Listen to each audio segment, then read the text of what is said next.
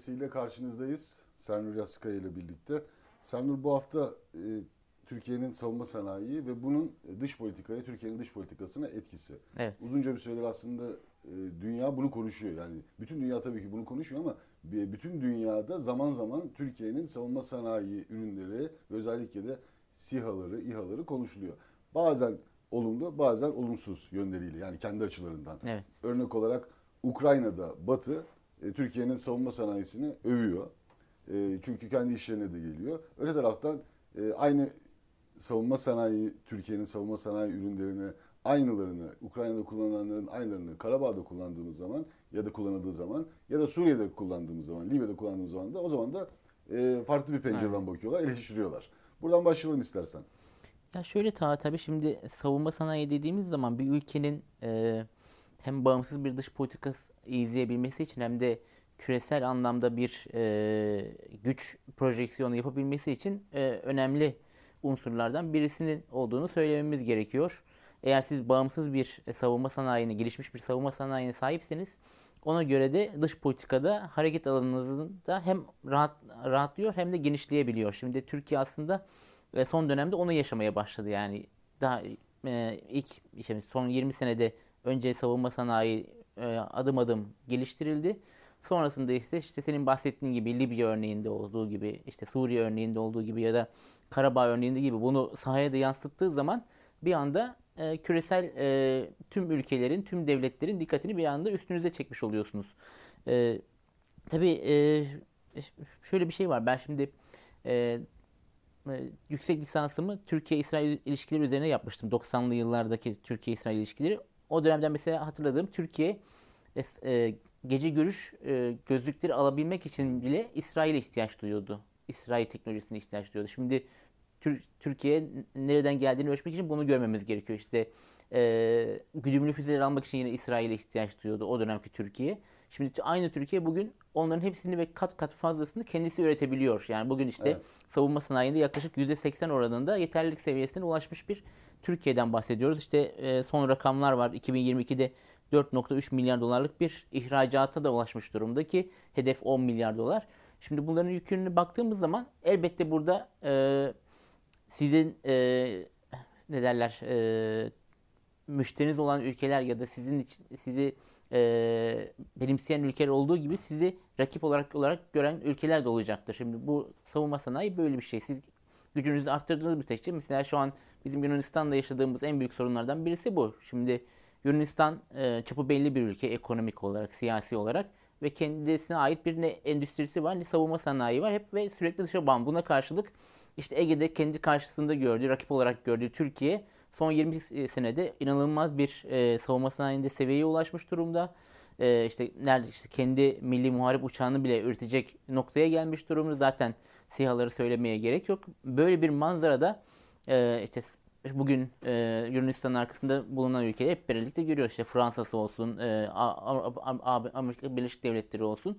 Bunlar için Türkiye aslında çok büyük bir şu an e, soru işaretine dönmüş durumda. Çünkü artık Türkiye'yi savunma sanayi üzerinden tırnak içinde terbiye edemiyorlar. Evet, böyle ya da yönlendiremiyorlar. Böyle olduğu zaman da Türkiye kontrol edilebilir bir ülke olmaktan çıkmış durumda. Zaten son dönemde yapılan analizlerin en önemli özelliği Türkiye'nin bu savunma sanayisiyle birlikte e, daha çok bu yani çok boyutlu bir dış politika izlemeye başladığı yönünde. Yani savunma sanayiniz geliştikçe e, tek yönlü bir dış politika izlemekten de kurtuluyorsunuz. Neden? Çünkü e, ayağınızdaki prangalardan kur- kurtuluyorsunuz. E, bence bunun en önemli sebebi de son dönemde dışarıdan gelen saldırıların sebebi de bu e, ikircikli konumun sebebi de bunlar, bu, bunun altında yatan sebep bu. Evet. Şimdi tabii biraz aslında son 5 geride bıraktığımız 5-6 yıla bakıp e, bu Türkiye e, bu macerada yıllardır aslında e, temelini oluşturmuştu bunların. Sonrasında biraz ağır adımlarla ilerliyordu. Son 5-6 yılda ise bu adımları daha hızlandırdığını gördük ve bu silahlara sahip olduktan sonra özellikle bu Patriot'larla başladı bu süreç. Yani 2013'te Patriot'ların Türkiye'den çekilmesi, o Patriot'lara karşılık e, başka bir silah verilmemesi ve sonradan Türkiye'nin bun- bunları e, buradaki ihtiyacı karşılamak için Rusya'dan S-400 satın alma durumunda kalması ve bununla birlikte Amerikan yaptırımları ki F-35'e kadar devam eden bir Devam süreç etti, olmuştu. evet. Hala da devam ediyor süreç aslında. Şu an bir F-16 meselesiyle ilgili de e, müzakereler yürütülüyor. Evet. Dışişleri Bakanı Mevlüt Çavuşoğlu da Amerika Birleşik Devletleri'nde yine o konu gündemde. E, onlar ayrı bir pencerede ama e, Türkiye Batı'dan ve müttefiki olduğu NATO'dan yeterli desteği alamadığı, İsrail aynı şekilde sen örnek verdin. Evet. Yani 2010'larda onlara gelirken e, Heronlar Heronlar. Heronlar konusunda çok ciddi sıkıntılar yaşamıştı ve ondan sonra bu savunma sanayinde vites yükseltme politikasına gitti Türkiye ve bunun Evet. da meyvelerini yemeye başladı. Tabii bu bir anda olmadı. Yani bir anda olmadı derken temeli hep vardı. Her ülke yapabilir belki bunu. Herkes yapabilir ama e, bulunduğun e, coğrafya önemli, ilişkilerin önemli, e, Kesinlikle. iktidarın önemli, irade önemli. E, Türkiye orada bir irade koydu ortaya ve bağımsız bir dış politika da ortaya Aynen. koydu.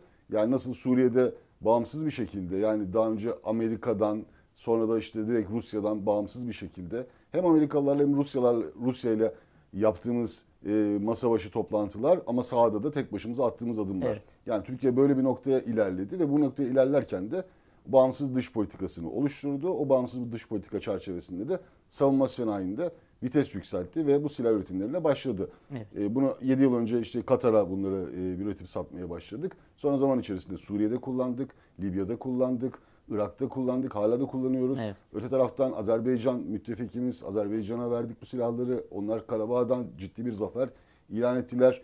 Ee, Ukrayna ile bunların çok ciddi bir e, ticareti var. E, çok ciddi bir ikili işbirliği var, askeri işbirliği var. Ukraynalılar şu an halen devam eden savaşta. Ruslara karşı da yine bunlarla mücadele ediyorlar. Bu arada Ukrayna demişken Kiev'de de bir e, helikopter düştü. Evet. Orada da Ukrayna İçişleri Bakanı hayatını kaybetmiş. O savaş da yıl dönümüne devam yıl dönümüne yaklaştığımız süreçte daha da e, artarak devam ediyor Evet, yani şiddeti uzayıcı biraz artıyor, ve uzuyor. E, tüm bunları e, koyduğumuz zaman e, biraz Batı'nın e, Türkiye'ye olan bakışı. Yani Batı Türkiye bu silahları üretiyor, e, savunma sanayisinin sanayinde bu adımları atıyor. E, Batı burada e, tam olarak nerede duruyor? Mesela NATO üyesi olan, aynı zamanda Avrupa Birliği üyesi olan ülkeler de bu silahlardan satın alabiliyorlar. Evet. Yani mesela Polonya Evet. onlardan birisi. Hatta yakın zamanda Sayın Cumhurbaşkanı da bir ziyarette bulunacağı söyleniyor. E tabii şöyle bir şey. e, şimdi baktığımız zaman mesela Kıbrıs Barış Harekatı'ndan sonra da Türk, e, Türkiye, e, Türkiye bir e, yaptırım uygul- e, uygulanıyor bu savunma sanayi alanında ve aslında ilk temelleri orada atılmaya başlanıyor savunma sanayi yani ciddi anlamda. Şimdi daha öncesinde e, işte Nuri Demirağlar, e, Veci. Veci, Veci Yurtkuş, Nuri Killigiller onların yaptığı atılımlar var ve onlar da bir şekilde engelleniyor ilk başta Evet. işte 40'lı yıllarda. Sonrasında 70'li yılların ortasında böyle bir atılım yapılmaya başlanıyor. O da 1980 darbesiyle e, akamete uğruyor ve sonuçta yaklaşık 30 yıllık bir aranın ardından ancak e, Cumhurbaşkanı Erdoğan'ın e, siyasi iradesiyle e, işte savunma sanayi yeniden ayağa kaldırılıp e, üzerine bina edilmeye başlanıyor. İşte geçtiğimiz günlerde e, Haluk Bayraktar'ın e, açıklamaları vardı televizyonda işte nasıl e, engellerle karşılaştığını e, örnekleriyle anlattı Evet. yani işte hatta işte tehditlere varan e, işte o İHA'ların uçurulmamasına varan e, şey- süreçlerden bahsetti kendisi. Şimdi Türkiye için e, şimdi o, o batılı müttefiklerimiz e, aslında bu tür engeller koyarak Türkiye'nin önüne içeriden ya da dışarıdan yaptırımlar uygulayarak ya da içerideki e, araçlarını, e, maşalarını kullanarak Türk, Türkiye savunma sanayisinin bir türlü emekleme döneminden e, ayağa kalkmasına ve Baltalıyorlar, yürümesine izin vermediler. Ta ki işte e, bir güçlü bir siyasi irade bu yola başını koyana kadar e, ki ondan sonra işte senin bahsettiğin 2010'lu yıllardan sonra Türkiye sürecin böyle gitmeyeceğini gördü. Çünkü değişen bir dünya var. E, şeyin çevren ateş çemberi işte Suriye'sinden Ukrayna'sına, Balkanlarından Kafkasya'sına kadar büyük bir problemlerin olduğu coğrafyadan bahsediyoruz ve burada kendi güvenliğini sen sağlayamazsan ve dışarıya sürekli e, savunma sanayine muhtaç durumda olursa burada kendi güvenliğini sağlayamaz. Şu an Ya bu mesela enerji ve savunma bunlar aslında e, olmazsa olmaz. Olmazsa yani olmaz, bağımsız evet. bir dış politika yapıyorsan eğer e, bunlara sahip olman lazım. Kesinlikle. Mesela enerji konusunda Türkiye bir enerji kaynağı olan bir ülke değil. Evet, Değil, evet. Karadeniz'de doğalgazı çıkarıyoruz. E, bir, bir müddet sonra da belki vanalara kadar gelecek bu evlere kadar ulaşacak. Ama netice itibariyle hani bir Katar değiliz doğalgaz Evet, konusunda kesinlikle. ya da bir Azerbaycan değiliz. Ama enerjiyi çeşitlendirdik. Evet. Enerji piyasasını oluşturduk, bir transfer merkezi haline getirdik ve bir hub olduk. evet yani Bu önemli. Bu enerji senin e, rakiplerin enerji sıkıntısı çekerken sen enerji sıkıntısı çekmiyorsun. Bir. ikincisi enerjiyi fiyatlandırma yoluna da gitmiş oldun. Kesinlikle. Yani enerji problemini ortadan kaldırmış oldun sen.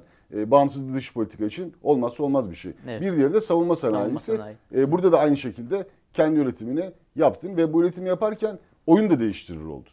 Yani ya zaten en önemli işte farkı Evet. yaratan o yani oyunu değiştirmek.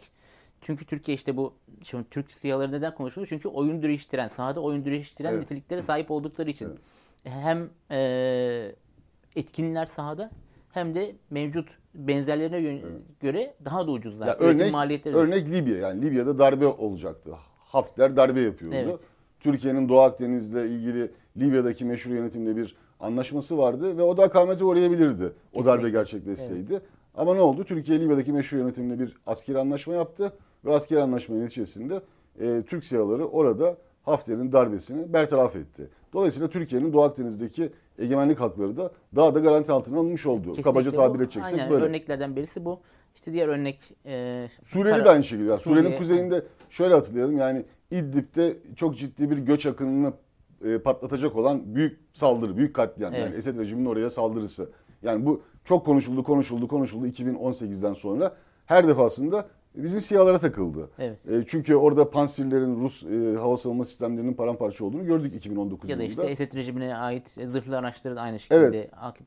Yani şöyle düşün e, Taha yani yani Türkiye belirleyici F-16 unsur oluyor sahada. Türkiye F-16'larında kullanılan mühimmatlarla şu- bugün biz e, Suriye sınırını hava sahasına girmeden e, hedefleri imha edebiliyoruz. Yani böyle bir kabiliyete sahip, güç projeksiyonuna sahip e, Türk ordusu ve bu Hakeza Karabağ'da da öyle. Yani Tabii. Karabağ'da 30 yıllık işgali sona erdirdi. kesinlikle Tabii yani bu sadece Türk çözülemez denen şeyi Evet. Türk SİHA'larının tek başına başarısı değil. Yani Azerbaycan'ın da orada çok ciddi bir iradesi vardı. Türkiye ile birlikte çok ciddi bir güç ortaya koydular. Türkiye'nin de desteğiyle birlikte. Ama netice itibariyle o SİHA'lar orada belirleyici unsur oldu sahada. Yani Evet. girilemeyen yerlere girdi ya da çözülemeyen e, yerleri çözmüş oldu o ya silahlar. zaten şimdi şey yani Türk SİHA'ları şöyle tek başına mucize değil. Türk ordusu SİHA'ları kullanarak yeni bir savaş yöntemi e, Evet. ortaya koydu. Bir planı ortaya koydu. E, Bir komuta kontrol Tabii. sistemi ortaya koydu. Ve bunu işte senin de belirttiğin gibi işte Azerbaycan ordusunda bunu ortak müşterek e, kullanarak Azerbaycan ordusunda bu yeteneği kazandırarak Çünkü bunun e, pilotları SİHA'lar- da önemli yani. Evet pilotlar önemli, koordinasyon önemli, aşağıdaki kara unsurlarıyla. Şunu da gördük yani bir, bir Amerikan e, İHA'sını kullanacağın zaman herhangi bir askeri operasyon nasıl gözetlemek amacıyla işte o gün o pilot izinliyse eğer e, Evet. onu uçuramıyorsun ve sahayı göremiyorsun. Yani bunları Kesinlikle. yaşadık biz terörle Yani mücadele bu tür ederken. Şey, yani bu şimdi e, savunma sanayi dediğimiz zaman aslında savunma sanayi pek çok e, teknolojik gelişmenin de e, ilk denendiği alan olması açısından önemli. Yani siz gelişmiş bir savunma sanayine sahipseniz eğer e, teknolojik atımları yapmanız da çok e, çünkü e, önemli. Çünkü savunma sanayi aynı zamanda önemli yatırımların yapıldığı bir alan. Şimdi bu e, şimdi en basit örneği herkes bu örneği bilir. İnternet mesela. İnternet ilk olarak ABD ordusu tarafından denenmiştir. Sonrasında da kamusal kullanıma verilmiştir e, ilk olarak ama yüksek bütçeler buralara yatırım yapıldığı için buradan e, ve sahada denendiği için bu tür e, teknolojik or- ortamların e, sonrasında sivil alanlara kullanılması da önü, önü açılıyor. Bu anlamda eğer siz bağımsız bir savunma sanayi sahipseniz kendi te- teknolojik atılımını da yapmanızın da önü açılıyor. Mesela şu an işte e, bu SİHA'lar ve İHA'lar teknolojisinin en önemli alanlarından birisi yapay zeka teknolojisi. Evet. Ve orada deneniyor ve sonrasında bu büyük ihtimalle Türkiye'de başka alanlarda da denenmeye başlanacak. Yani, ya- çünkü şey tek olarak e, sadece bir uçak olarak bakmayalım SİHA. O onun altında müthiş bir teknoloji var. Teknolojik bir altyapı var. Evet. Bir insan kaynağı var. Bir mühendislik var. Şimdi siz bu kabiliyetleri geliştirmeye başladığınız zaman bir yerden sonra mevcut rakiplerinizden ayrılmaya başlıyorsunuz ve farklı bir lige geçiyorsunuz. Bugün işte Türk SİHA'ları dendiği zaman Türkiye, Çin'le, ABD ile, İsrail ile birlikte anılıyor. Yani hatta şu an Rusya'nın düştüğü durumu görebiliyoruz. Yani Evet. İran, İran SİHA'larına muhtaç durumda. Evet. Rusya kendi teknolojisini Putin- geliştiremediği için. Putin Ukrayna Savaşı'na başlamadan önce bununla ilgili bir konsey çalışması da yapmıştı. İki günlük süren bir toplantı yapmıştı. Güvenlik Evet. konseyini toplamıştı ve tamamen toplantının amacı e, İHA ve SİHA'lardı. Evet. Yani bu kadar bu son derece önemli. Çünkü bu e, işte bu otonom e, şeyler savunma araçları sadece SİHA'larla kalmıyor. Bugün işte Türkiye deniz araçlarını da yürütüyor, e, kara araçlarını da yürütüyor benzerlerini. Bunlar sahada da denenmeye başladı. İşte e, otonom bir e, deniz aracı geçtiğimiz günlerde e, hatta kullanımı bile alındı yani Ege Denizi'nde filan. Şimdi bunlar giderek fark her alana bunları yay- yayabiliyorsunuz yavaş yavaş ve yakında belki de şeyi göreceğiz biz. Türkiye caddelerinde Türk üretimi e, sürücüsüz otomobilleri, işte otobüsleri falan göreceğiz. Şimdi, bu anlamda Türkiye Yani için modası geçmeye yakın olan bir e, bir, bir şey üretmiyor Evet. Türkiye. Yani geleceğe dönük. Yani bu, bu şeye pazara geç girdi ama e, 20 yıl sonrasının teknolojisini de şimdiden yakalayabilecek potansiyelde olan bir şey üretiyor. Kesinlikle yani bence aslında Türkiye çok büyük bir kırılma anında çok kritik bir teknolojiyi yakaladı.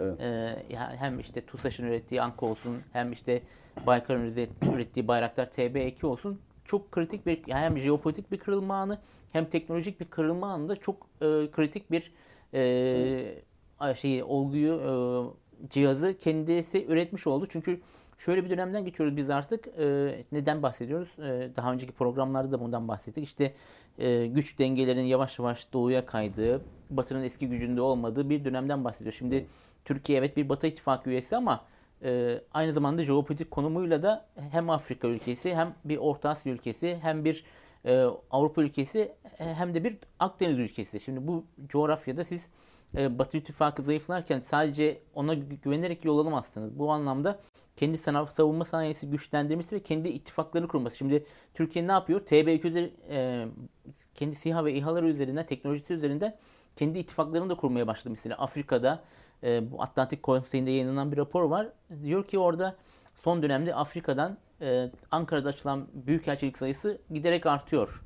Ve bu açılan Evet. büyükelçiliklerin çoğunda görev alan büyükelçiler asker kökenli.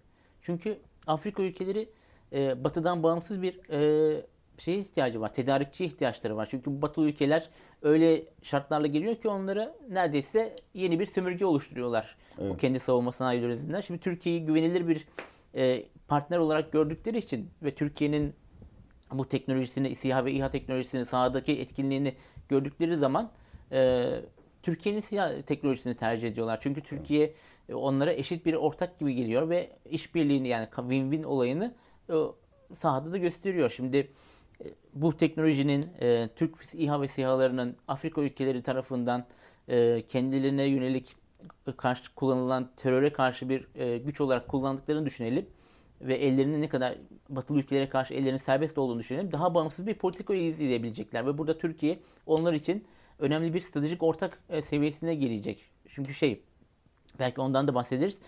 Türk SİHA'ları satmak sadece SİHA'ları satmak değil. Onunla beraber sen mühimmatı da satıyorsun. Evet. Ve Türk mühimmatları satılacak bir yerden sonra.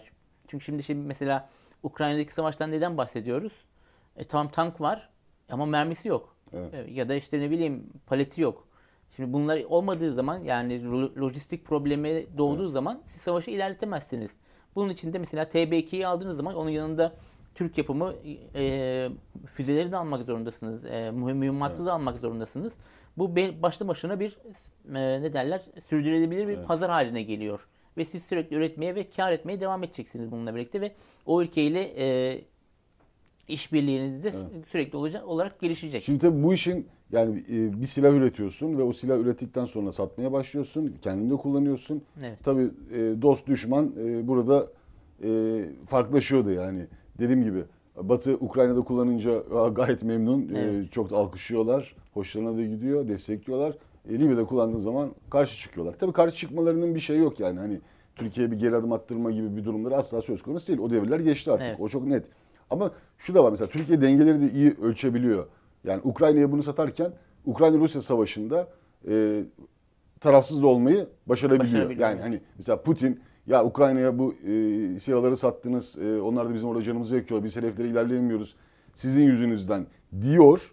Ama hani bu, bundan dolayı da Türkiye ile masayı dağıtamıyor. Yani Yani- bunlar çok önemli, e, değerli e, konular. Aynı şekilde mesela Suudi Arabistan ve Birleşik Arap Emirlikleri ile Türkiye'nin olan ilişkisinde ve daha doğrusu hani Suudi Arabistan Arap Emirlikleri, İran, Türkiye bu üçgendeki ilişkilerde de e, aynı durum söz konusu. Yani Suudi Arabistan'ın da Türk sihalarına ilgisi var. Evet. Suudi Arabistan'da Türkiye'nin yakınlaşma sebeplerinden bir tanesi de Türkiye'nin savunma sanayisindeki gücü e, ve özellikle Suudi Arabistan'ın İran'la olan e, güvensizliği. E, ama mesela e, İran burada mırın eder mi? Evet mırın edebilir. Mırın etmek ayrı. Kimse bunu alkışlamaz. Putin de alkışlamıyor. E, İran da alkışlamaz. Ama karşı da koyamaz. Evet. Yani bu güç dengelerini iyi oturtabiliyor Türkiye.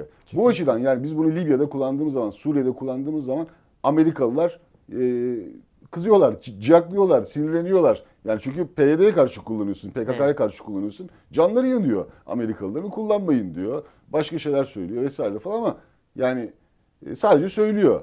E, Yani gidip çünkü de müdahale bunu- etme imkanları yok. Evet o devir geçti gibi. yani. Hani o, o güç dengesini Türkiye ortaya koydu.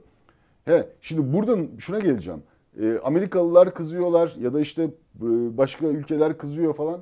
e, söyleniyorlar vesaire falan ama e, onların Türkiye'nin oturttuğu güç dengesinden dolayı fazla bir yaptırım güçleri yok. Fakat e, mesela içeride çıkıyor yani bunun eleştirileri. Mesela e, savunma sanayini çok övüyoruz. E, savunma sanayisinin e, çok fazla işte ticari ge- gelirinin getirisinin olmadığı söyleniyor. Yani F-35 kadar değil. Ya evet şu an için öyle ama Evet. Türkiye savunma sanayini herhalde direkt para kazanma odaklı yapmadı. E, bu Tabii. zaman içerisinde kazanır. Kazanıyor da zaten. Yani işte 10 lira değil de 3 lira kazanıyordur. Ama niye 10 lira kazanmıyor? Evet. Evet 10 lira kazanacağı zaman da gelir. Ama şu an için amaç zaten herhalde 10'da 10 kazanmak değil. Yani şu an için 3 lira kazansın ama e, oyun değiştirsin. Türkiye'nin gücünü pekiştirsin. Kesinlikle. Bunlar çok daha önemli. Öte taraftan yine eleştirel boyutta bakıyoruz. İşte e, bazı siyasi partiler, parti liderleri de çıkıyor. Onlardan da yine e, Evet, bu tarz eleştiriler tepkiler. geliyor. Yani ben bu tarz eleştirileri yani SİHA'ları, İHA'ları e, direkt e, yani bu böyle olmaz, e, bunlar üretilemez ya da satılamaz noktasındaki eleştirilerden ziyade ya da işte sadece Türkiye'nin savunma sanayi bunlara odaklı olamaz, Türkiye'nin dış politikası sadece buna odaklı olamaz noktasındaki eleştiriler evet olmasın, daha farklı geliştirilsin, daha farklı şekilde eklemlensin, bu dış politikanın aparatları daha da güçlensin. Böyle yapıcı bir eleştiri değil yani direkt yıkıcı eleştiriler ortaya çıkıyor. Yani mesela bu e, casusluktan e, tutuklanan Metin Gürcan'ın da 2015'te El Monitör'e yazdığı bir makaleyi okudum ben geçenlerde. E, ilk defa Türk sihalarına orada karşı çıkıyor. Yani o zaman daha yeni yeni işte Katar'a satıyoruz. Evet. Katar'a bunun satılmasına karşı çıkıyor. Katar'a bunun satılmasını eleştiriyor Metin Gürcan. El Monitör'de yazmış 2015 yılında. Okudum makaleyi de. Yani şimdi baktığın zaman hakikaten e, biz o zaman belki siyaların başarısını konuşmuyorduk. E, daha çok gündemimizde değildi Değildi. ama e, bugün sihaları eleştiren kitle o dönemden itibaren eleştirilerine başlamışlar. Bunu görüyoruz. Ya şöyle tabii çünkü e, o işin nereye gidebileceğini e, belki de onlar daha iyi görebiliyorlardı. Çünkü e, belki olayın içinde oldukları için de ya şimdi biraz önce bah- program başında bahsettiğim gibi yani siz e, böyle bir kritik teknolojiyi elde ettiğiniz ve bunun başarısını gösterdiğiniz zaman size pek çok kapı açılabiliyor. Şimdi mesela biraz önce bahsettim. E, mesela Afrika'ya e, ya da Orta Asya'daki Türk devletlerine şu an Türkiye bu kritik teknolojiyi satıyor. Ee, bunun e, kendi tabii e, işte şeyleri e, kritik kontrol noktaları kendi elinde olmak kaydıyla. Şimdi biz bunlar üzerinden Afrika'da bir ağ network kuruyor Türkiye. Bir diplomatik network kuruyor. Gerçi bunun altyapısı zaten yapılmıştı daha önce. Hem e, sivil toplum kuruluşlarının yatırımları hem orada büyükelçilikler ağının açılması hem eğitim faaliyetleri olsun hem de ekonomik girişimler olsun. Bunun şimdi en üst kat, katılmanın da savunma sanayiyle bir çerçeveyi alıyor Türkiye ve böylece aslında oradaki ittifakları güçlendiriyor. Şimdi mesela biz neyden bahsediyoruz? Kuze- Kuzey Kıbrıs Türk Cumhuriyeti'nin uluslararası tanınırlığının arttırılmasını, tanınmasını arttırılıyor. Şimdi düşünün Türkiye e, Afrika'da e, iliş- e, stratejik işbirlikleri kurmuş bir ülkeye geçtiğimiz günlerde Gambiya mıydı? E, şey Lefkoşa'yı ziyaret eden Evet. ülke. Gambiya mesela bir Tanıma Afrika ülkesi atmıştı, gitti oraya ya- ziyaret etti ve ondan sonra hem Rum medyasında hem Yunan medyasında nasıl bir infilak oluştuğunu hepimiz gördük. Yani sadece küçük bir Afrika ülkesinin oraya ziyaret etmesiyle bile e, taşlar yerinden oynayabiliyor. Hakeza işte dün de herhalde Özbekistan işte TUSAŞ'tan Anka aldığını açıkladı. Şimdi Türk Devlet yani Türk Devletler Teşkilatı'nın önemli unsurlarından Evet. birisi de bu olacak. Yani Türkiye'nin e, altyapısını oluşturduğu belki bir askeri var, işbirliği, tabii. teknolojik işbirliğinden bahsedeceğiz. Çünkü şimdi şeyi hatırlayalım Ya şimdi. şimdi mesela o çok iyi bir noktaya değindin. Yani Afrika'da Türkiye'nin mesela şu an dış politikada e, attığı hamleler Afrika hamlesi var. Bir de işte e, Orta Asya hamlesi Orta var. Asya hamlesi. Şimdi burada sen enerji konusunda ve e, savunma sanayi konusunda güçlüysen eğer Aynen. o gücün peşine takılıyorlar ve senin Evet. oradaki network'ün genişliyor. Çünkü olmazsa olmazları bunlar. O Orta Asya için enerji söz konusu değil.